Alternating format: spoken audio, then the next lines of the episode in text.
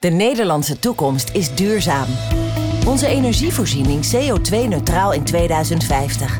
Hoe gaan we de energietransitie vormgeven? Wat betekent dit echt voor mens, natuur en maatschappij? En hoe kunnen we obstakels wegnemen om snelheid te houden? Dit is Energize, de podcast van Groen Leven. Hier nemen we met experts en betrokkenen de energietransitie onder de loep en zorgen we samen voor versnelling. Energize met Glenn van der Burg.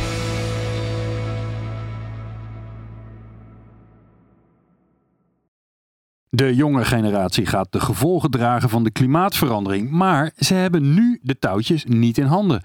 En wij gaan dat vandaag eens even in deze podcast omdraaien. De huidige leiders moeten in dienst van de nieuwe generatie handelen.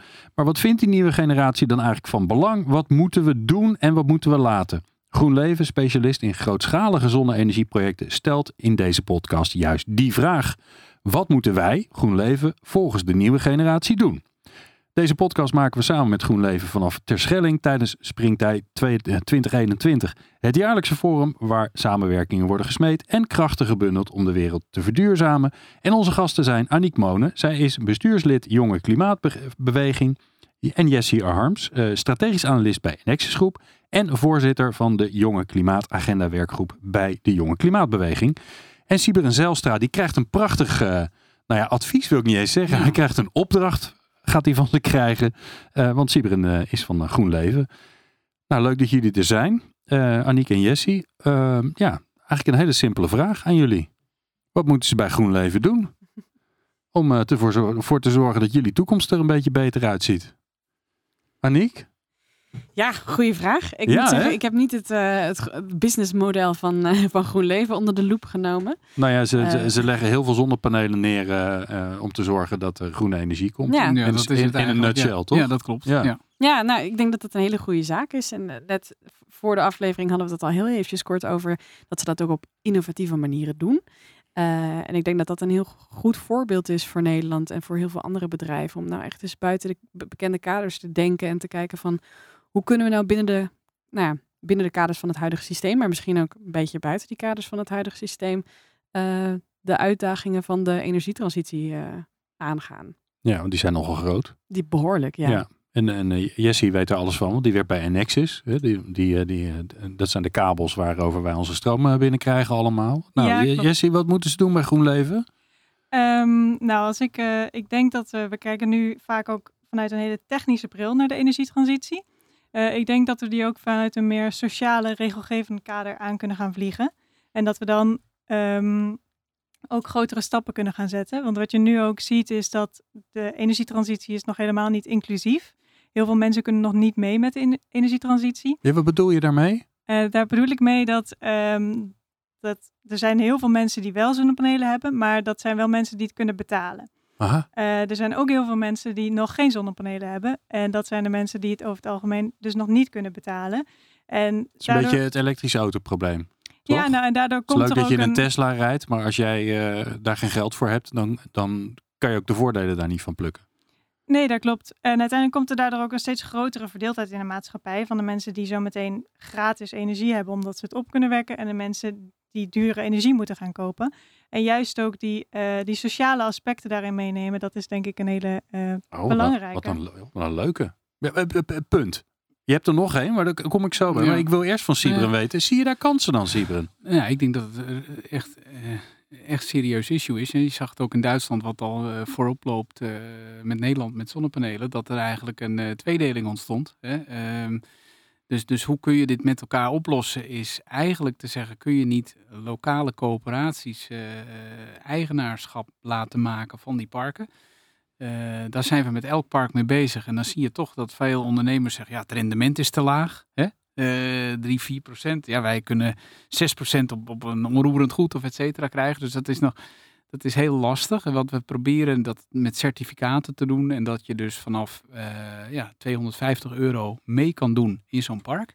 Uh, wat ik zelf eerder collectief ook eigenlijk heel goed vind, is dat een woningbouwstichting zegt: laten we nou alles uh, socialiseren. Dat we gewoon zonnepanelen doen. En dan uiteindelijk, want binnen vier, vijf jaar ben je zonder subsidie al goedkoper uit.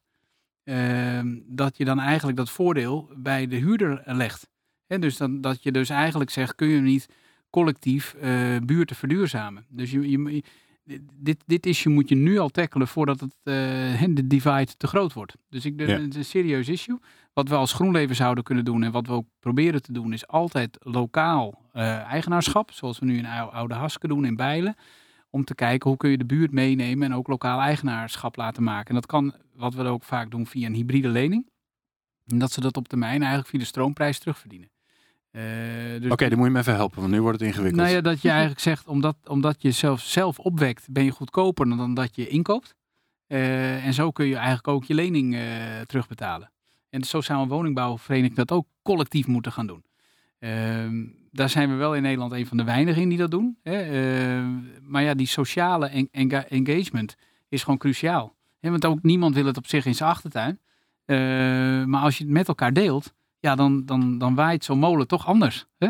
Ja. en, en, en dat vind ik heel goed wel van de klimaatakkoord. Dat, het, uh, ja, dat, het, dat er wel uh, oplossingen komen om dat samen op te lossen. Ja, dus, maar ik vind dit wel een hele mooie. Volgens mij is er zelfs een term voor, hè, energiearmoede. Dat bestaat gewoon al. Ik heb er ooit eens een keer een aflevering ergens een keer over gemaakt. En uh, dat er gewoon gezinnen zijn en die zetten in de winter zetten ze de thermostaat op 16 graden. Want ja, ze weten gewoon als we hem hoger zetten, dan wordt, uh, wordt de rekening heel hoog. En die kunnen we gewoon niet betalen. Ja, dat kun je toch. Ja, ook voor studenten natuurlijk en veel jongeren. Als we het toch over jongeren hebben, is dat voor ook gewoon de realiteit. Ja, ja. ja en op gas komt meer belasting dan op elektriciteit.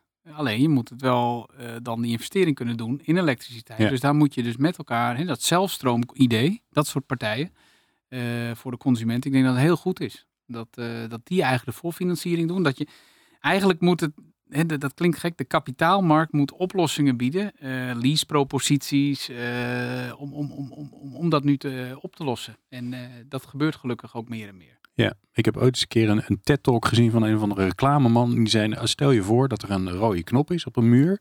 En als je erop drukt, komt er een euro uit. Wat doe je dan? Nou, dan ga je op die, druk, die knop staan rammen natuurlijk. Maar die knoppen die zijn er eigenlijk wel. En die zijn heel ingewikkeld. Dus met zonnepanelen uh, kan het allemaal wel. Alleen dan moet je weer een lening en dan moet je, dat, en moet het installeren. En, uh, en nou, kortom, ingewikkeld. Dus we doen het niet. Of tenminste, een deel van de bevolking doet het niet, want het is te ingewikkeld of uh, onbereikbaar. Of je kunt, je, kunt geen geld lenen omdat je niet genoeg verdient. En dat moeten we eigenlijk gaan oplossen. Is er een rol voor de banken? Die zitten nu, nu niet aan tafel van deze podcast, maar ik, haal ze er maar even bij, Aniek. Ja, um, aan de ene kant denk ik dat banken die rol zouden kunnen opnemen. Hè? Dat je zegt van nou, wij gaan als bank ook gewoon die energietransitie wat makkelijker maken voor bepaalde huishoudens. Um, maar ik denk dat het en-en moet zijn. En dat is uh, alles in de energietransitie moet en-en zijn natuurlijk. Maar ook in dit verhaal. Ik denk dat het als banken gaan zeggen van nou wij gaan ook uh, uh, huishoudens helpen met, met zelf zonnepanelen op het dak leggen. Dan moet, dat moet geen excuus zijn voor de overheid om die subsidieregeling zo ontzettend ingewikkeld te laten. want ze zijn gewoon te ingewikkeld. En dat is ook bijna een soort van energiearmoede. Want ja, je kunt te weinig geld hebben om zonnepanelen op het dak te leggen. Maar je kunt ook gewoon arm zijn in tijd. Ja. Um, en dat is ook ontzettend belangrijk. Niet iedereen van ons heeft de tijd om uh, een hele middag, nou ja, ik denk wat langer. Ik, volgens mij ben je daar, wat ik zelf hoor, ontzettend lang mee bezig om zo'n subsidie aan te vragen. Ja, dat, dat moet je maar net kunnen. Ja, of je moet, je moet voor moet een bedrijf opzetten om de BTW terug te vragen. Dat, moest ik doen. Alleen ik had al een bedrijf. Dat was ook weer ingewikkeld. Moest mijn vrouw een bedrijf opzetten om de BTW terug te vragen. Nou, dat, eh, dat zou niet moeten. Dus, dus, dan is het hartstikke leuk als een bank natuurlijk ook gewoon zonnepanelen gaat financieren. Maar dan moeten we dat probleem eerst aanpakken. Ja, dan moet er gewoon zo'n rode knop worden. En je moet gewoon je naam invullen en zeggen, doet u mij maar. En dan komt het en, toch? En onderne ondernemers spelen er ook op in. Ik vind toch Coolblue een hele mooie. Die heeft het hele logistieke systeem. Uh, die, gaan nu, die, die, die leggen nu heel veel zonnepanelen. En die, ons, die gaan nu richting meer ontzorging. En laten wij dat maar uh, financieren. GroenLeven doet bewust de zakelijke markt. Uh, ja, je kan ook niet alles. Mm. je moet ook focus houden, anders kun je geen bedrijf runnen. Uh, maar ja, de re retailpropositie van Coolblue is natuurlijk fantastisch. En ja, die gaan helemaal in zonne-energie en, en de consument ontlasten. Ook met huurpropositie. Ik wil hier geen reclame maken of zo. Integendeel. Ja, Maar de, het, het schoot me in één keer te binnen. Dus je ziet dat ondernemerschap daar gelukkig wel op inspeelt. Ja, ja, maar het is ook gewoon natuurlijk het hele idee van zo'n subsidie. Is dat je eerst dat geld uitgeeft en het daarna pas terugkrijgt. Als je alleen al dat zou aanpassen, dat je gewoon van tevoren een bedrag zou kunnen aanvragen, dan krijg je het op de rekening. Nou, koop je daar je zonnepaneel van en achteraf laat je het bonnetje zien van kijk, dit heb ik er ook echt mee gedaan. Alleen al dat zou natuurlijk voor zoveel meer huishoudens het mogelijk maken om die zonnepanelen ook echt aan te leggen. Ja, goed idee. Ja, en, en ik, ik, hoorde, ik hoor mensen al denken, ja, en dan gaan mensen er iets anders mee doen en zo. Hè, maar misschien moeten we mensen ook een beetje Ja, vertrouwen. we willen heel graag Toch? het slechtste eh Ja. geloof in Nou, we, hebben, we hebben als, eh, als kerstpakket eh, in Bomhosplas hadden we het over. eh, lokaal in Zwolle een zon op waterproject op een zandput. Eh, ehm, hebben we eigenlijk het kerstcadeau hebben we al onze medewerkers eh, een aandeel gegeven. Eh, met een groot certificaat. eh, en, en, en ja, dat, en kun je controleren dat iedereen dat gebruikt. Er zitten natuurlijk ook mensen die hebben het hard nodig of schuldsanering of andere dingen. Maar ja, uiteindelijk blijkt dat gewoon 95% dat gedaan heeft. Dus, dus je wilt ook geen eh, het opleggen. Eh, maar heel veel mensen, ja, die vonden het een geweldig idee. Dat je deeleigenaar bent met elkaar. We hebben het gebouwd, we onderhouden het voor 25 jaar. Ja, is tof Nou, dat, is- toch? Dat is toch ja, dat is een Ja. gaaf idee. Ja. Jesse, ik, ik, ik kapte jou bru- brusk af, want je wilde al naar de volgende, de volgende vraag gaan. Maar deze hebben we nu eh, ongeveer gehad. Maar je hebt nog meer ideeën volgens mij. Nou, ik wilde hier eigenlijk nog net iets meer over vertellen. Ik eh, zat zelf te denken, ook al heb je zo meteen subsidies, zijn er nog steeds natuurlijk heel veel mensen die niet mee kunnen gaan doen. Ehm, en waar ik zelf een keer een onderzoek over heb gedaan, is de motivaties van mensen om energie te delen. Want zometeen hebben we natuurlijk hebben heel veel mensen energie in een wijk. Kunnen we daar dan niet van een structuur voor organiseren? Sommige mensen noemen dat energiegemeenschappen. Om die energie onderling in de wijk ook te, te delen. Het onderzoek wat ik heb gedaan was ehm, met ongeveer 50 mensen heb ik gekeken wat zijn jullie eh, motivaties om energie te delen. En daar kwam eigenlijk drie grote pijlers uit. Dus dat was dus ehm, enerzijds kon het voor de duurzaamheidsredenen, anderzijds voor winstgevende redenen of echt om, om mensen die het nodig hebben te helpen. En er kwam uit dat eigenlijk heel veel mensen best hun overige energie aan andere mensen zouden willen geven. Hmm. En daar zie ik ook wel een mogelijkheid om ehm, die energietransitie inclusiever te kunnen laten gaan, juist door in die wijk mensen elkaar te laten helpen. Ja. En natuurlijk moet het nog steeds ook van bovenaf en van de overheid gebeuren. En eh, hebben we ook die subsidies nodig. Het is altijd een NN-verhaal. Maar ik denk dat ook juist die lokale initiatieven en het, eh, het, het, het mensen elkaar helpen, dat dat ook wel, eh, nou ja, zeker de energietransitie verder kan brengen. Kan dat al? Mm, nee, wetgevingstechnisch Nee, wetgevingstechnisch Nee, nog nee, niet. nee, nee. Nee. Maar Maar, het dat is- is een wet, die kunnen we aanpassen. De- toch? Er is wel een mogelijkheid dat dat aangepast zou kunnen worden. Maar momenteel is dat inderdaad nog niet, eh nog niet eh Nee, maar mogelijk, het interessante helaas. is natuurlijk hè, dat, dat weggeven is natuurlijk helemaal fantastisch. Ehm, maar weg, als je weggeven mogelijk maakt, dan kan je, kan, zou je het ook kunnen verkopen. En dat is natuurlijk ook weer interessant. Dan ben je prosumer inderdaad. Ja. Toch? Je, Ja. je ziet het nu ontstaan in het eh, havengebied Amsterdam. eh, waar Essent, eh RWE ook kijkt van je, kun, je, kun je directe afname, direct verbruik. Eh, hè, dus een soort microgrid-achtige, dus, dus het, het gaat al. En de afgeleide daarvan zou naar een, een buurtwijk, eh, naar kleine microgrids kunnen. Dat, ehm, ja, in New York is er al een, eh, een pilot, dus eh, dat is dan een blockchain-initiatief, zeg maar. Dat je meteen echt heel decentraal met elkaar handelt. Alleen, ja, dan moet de wetgeving nog mee. Ja. Sterker nog, volgens mij heeft Enexis daar ook een pilot over gedaan. Ik heb ooit eens een keer de, de afsluiting van de pilot, Lombok. de pilot gepresenteerd. Nee, ergens in, ehm, bij Deventer in de buurt volgens mij. Ben natuurlijk weer vergeten hoe het heet. Super interessant. Nee, maar daar hebben ze, die zaten achter een transformator. En hebben ze alles achter de transformator konden ze gaan regelen en konden mensen onderling energie aan elkaar eh, verkopen. Ehm, ehm, eh, hebben ze ook zoutbatterijen neergezet om energie op te slaan lokaal. Dat is een heel mooi, eh, volgens mij een, een programma van, van drie jaar of zo wat ze gedaan hebben. Een pilot. Maar je de- hebt ook in Nederland het ecodorp Boekel. Ik weet niet, eh nou ja, dus ik denk dat in Boekel denk ik, of niet? Ja, in Boekel, ja. Ja. ja. de naam zegt het al. Daar hebben ze inderdaad ook zo'n hele grote batterij midden in het dorp staan. En daar wordt gewoon de energie in opgeslagen. En dan eh, wordt dat gedeeld in het dorp. Ja, dat Ja. is fantastisch.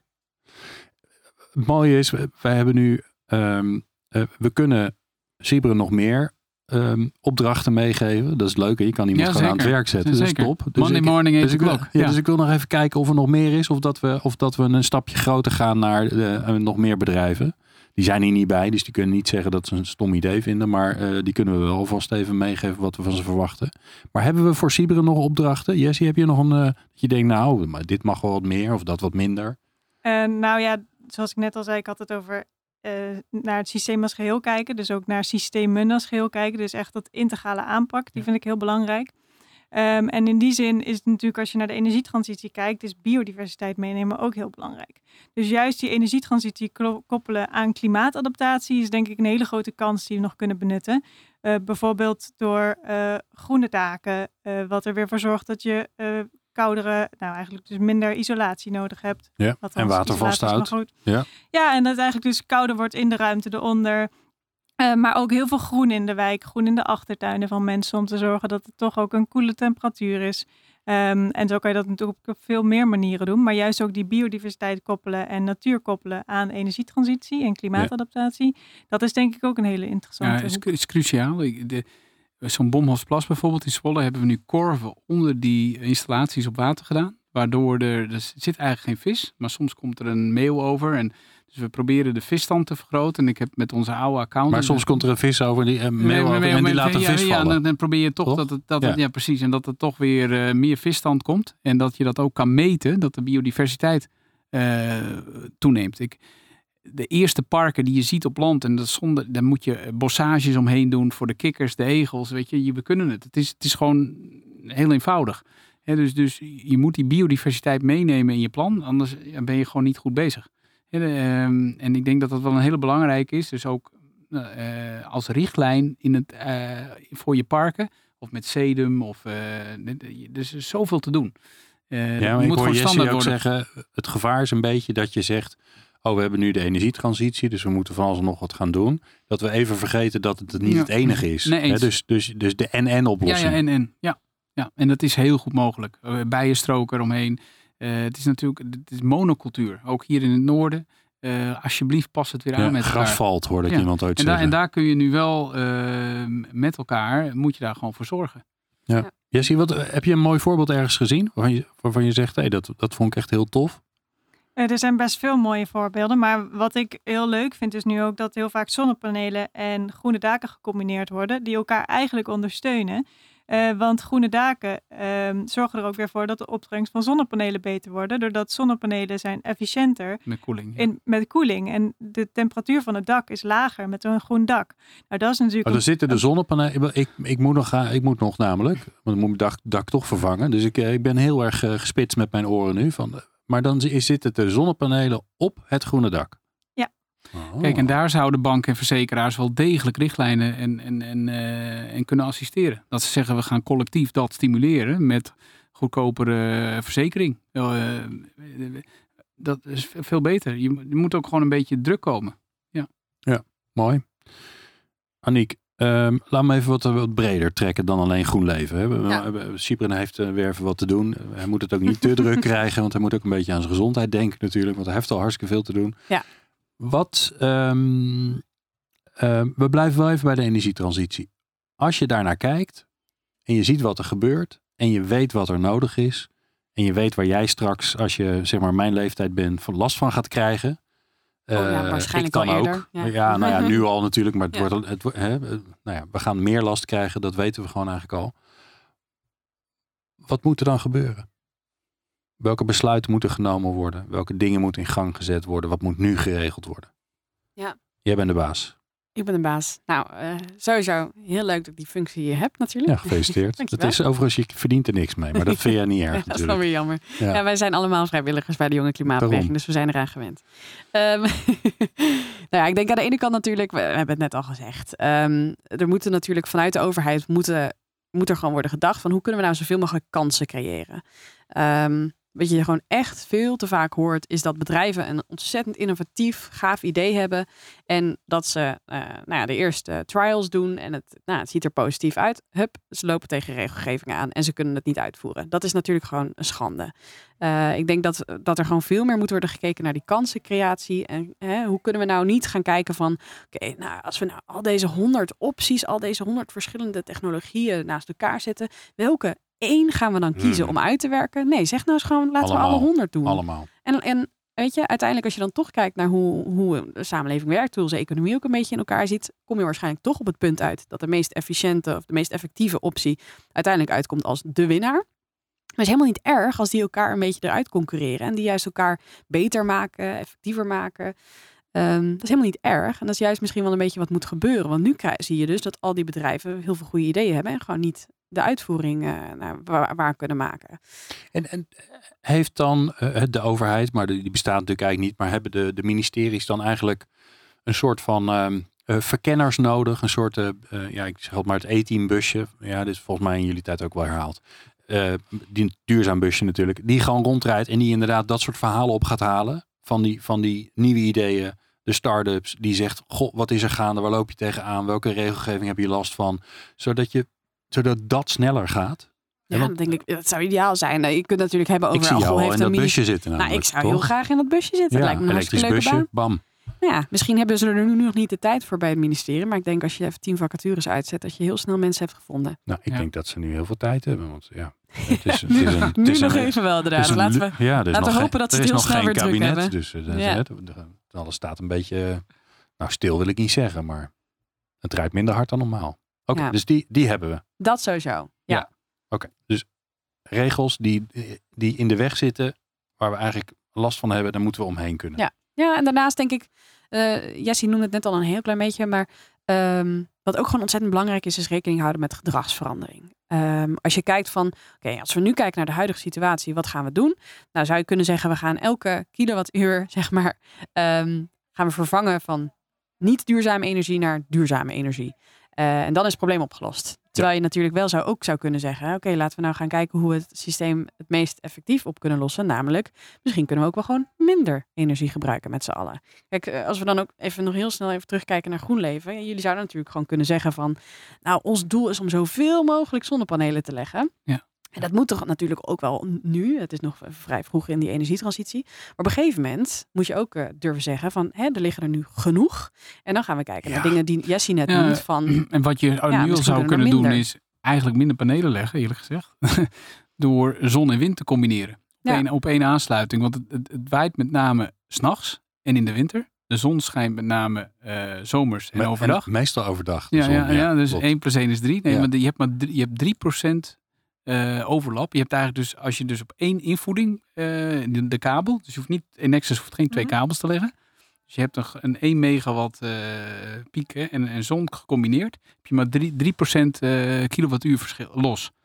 Dus dat is fantastisch. Dus dat, dat de wetgeving, hè, de pooling amendement, zon en wind op één travo, ja, jongen, dat is fantastisch. Dat levert al gigantisch veel op. En zo zijn er nog andere. Ik, ik hoor Aniek iets heel interessants zeggen.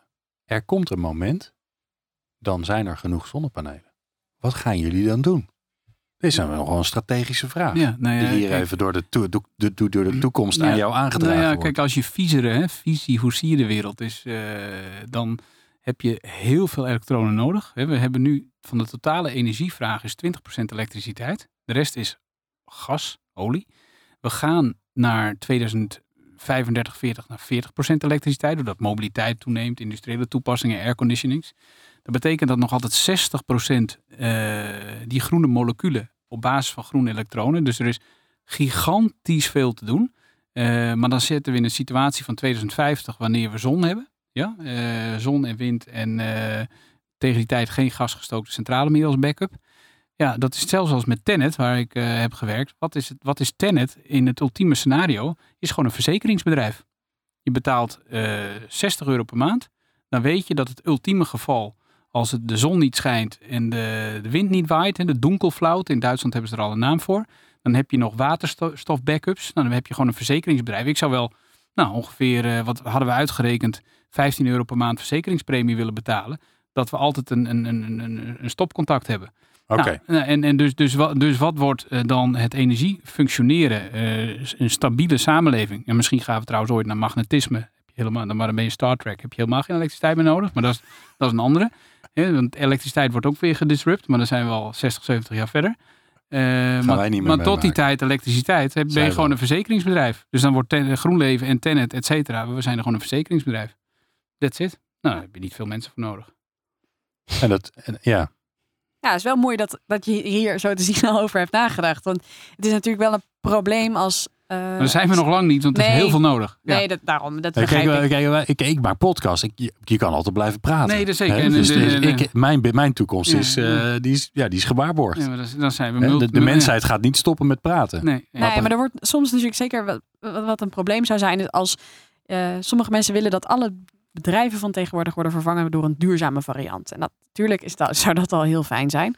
Maar uh, als die bedrijven wel dezelfde mindset hebben, en dat wordt natuurlijk deels ook gestimuleerd vanuit de overheid, dan heb je nog steeds een probleem. Want je moet uiteindelijk mindere uh, zorg op, sturen op gedragsverandering. En inderdaad hebben dat bedrijven gewoon durven te zeggen. Weet je, onze missie is geslaagd. We stoppen ermee. hebben gedaan wat we wilden Ja, ja, doen. ja. We stoppen ermee. Tenet bouwt nu de grote verbindingen van Noord- en Zuid-Duitsland. Dat, dat, dat is achterstallig onderhoud. Maar een tweede Südlink gaat er niet meer komen. Want in 2040 zijn alle Boendeslanden autarkisch. Dus ja, weet je, dan ben je een verzekeringsbedrijf. Dus Ja. Er wordt nu heel veel geïnvesteerd, 3 miljard per jaar en moet stijgen. Nou, dan, dat, dan niet meer. Dus dat eh, is heel gezond. Oké, dus gedragsverandering. We moeten ook minderen. Ehm, maar wat, welke rol kunnen bedrijven daar dan in spelen? Wat moeten ze daarin doen? Nou ja, dus ehm, ik denk dat je als bedrijf moet kijken welke rol willen we spelen binnen het systeem wat we, wat we zien. En welke, welke rol willen we spelen binnen de samenleving. Dus dat betekent eh, bekijken welke waarde kunnen wij toevoegen. Waar houdt, die, waar houdt dat bij op?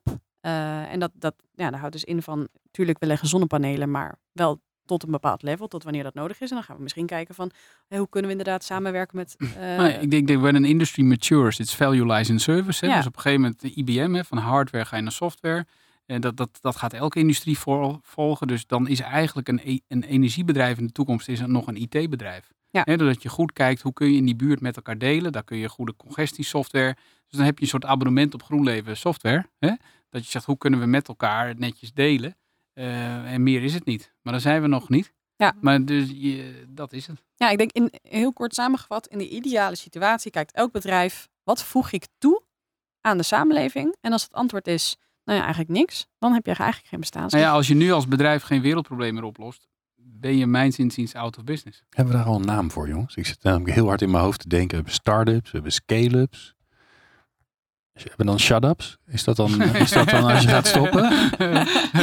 Ik weet niet of dat een, een titel is die heel veel bedrijven willen dragen. Maar weet je, we zijn we dan in een equilibrium, een evenwicht, hè, voor mijn dochters ook. Ja, er is natuurlijk altijd innovatie. En, en, en kijk, luxury becomes, wat, wat eerst lu- luxueus was, becomes necessity. Hè? Dus we ontwikkelen ook als samenleving. Dus eh, weet je wel, wat, wat iedereen nu wifi is als standaard, al de, wat, je allemaal als, als, als normaal veronderstelt, was vroeger een luxe product. En dat, dat zal ook blijven gaan. Daarvoor zijn we denk ik toch ook mens. Alleen je probeert het heel e- energie-efficiënt te doen.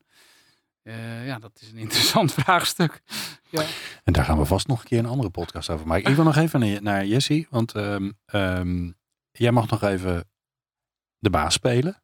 Ik mag nog even de Dat is baas fijn, spelen. hè? Ja, Ja, dat is heel ja. fijn. Je mag even de baas spelen over de energietransitie. Je mag even bepalen wat iedereen, nou niet iedereen, één ding in ieder geval waarvan je zegt van nou, dat moet gaan gebeuren. Mhm. Eh, nou, ik had het natuurlijk net al een beetje eh, verteld. Wat ik heel belangrijk vind is echt dat we het integraal aanpakken. Dus echt breed kijken. Daarin vind ik het ook heel belangrijk dat we verder kijken dan alleen CO2-reductie. Ik merk dat er vanuit de overheid nu heel erg wordt gefocust op CO2-reductie. Terwijl ik denk, als je nou gewoon de rest meepakt, je pakt biodiversiteit mee, je pakt ehm, eh, nou, andere klimaatgerelateerde dingen mee, ehm, je pakt voorbereiden op schokken mee. Eh, de schokken bedoel ik dan eventuele rampen die eraan kunnen komen om de maatschappij daar goed op voorbereiden. Eh, dan komen we uiteindelijk veel verder dan als we alleen gaan focussen op CO2-reductie. En in die zin kan het beleid daar ook alvast op aangepast worden. Dat we ook het beleid al voorsorteren op niet alleen focussen op ehm, eh, in die zin eh, minder CO2 uitstoten, maar ook eh, hoe we die biodiversiteit gaan herstellen. Ehm, en de andere problematiek aan gaan pakken. Ja. En ik denk dat dat een heel belangrijk punt zou zijn wat ik aan zou pakken als ik de baas was. Ja, dus echt gewoon designen voor de maatschappij in plaats van dat je maar één dingetje gaat oplossen. Ja. Ik dank jullie zeer. Ik vond het bijzonder leuk. Eh, eh, dank voor de opdrachten. We hebben weer even wat te doen met z'n allen. En eh, mocht u dit nou ook willen, dan zijn ze te bellen. Dus Aniek Monen van de Jonge Klimaatbeweging en Jessie Harms, ook van de Jonge Klimaatbeweging. En die, jullie doen natuurlijk allemaal eh, 10.000 andere dingen. Vijf start-ups en drie, drie banen erbij. En je kunt ze gewoon bellen en dan vraag je aan ze, goh, wat moeten wij nou eigenlijk doen? En dat, dan helpen ze je. Dat is echt fantastisch. En Sibren Zelstra, die eh, met eh, een paar opdrachten naar huis gaat. Dankjewel, Sibren, voor, eh, voor jouw bijdrage. Bedankt voor het luisteren naar Energize, de podcast van Groen Leven. Meer afleveringen vind je in jouw favoriete podcast-app.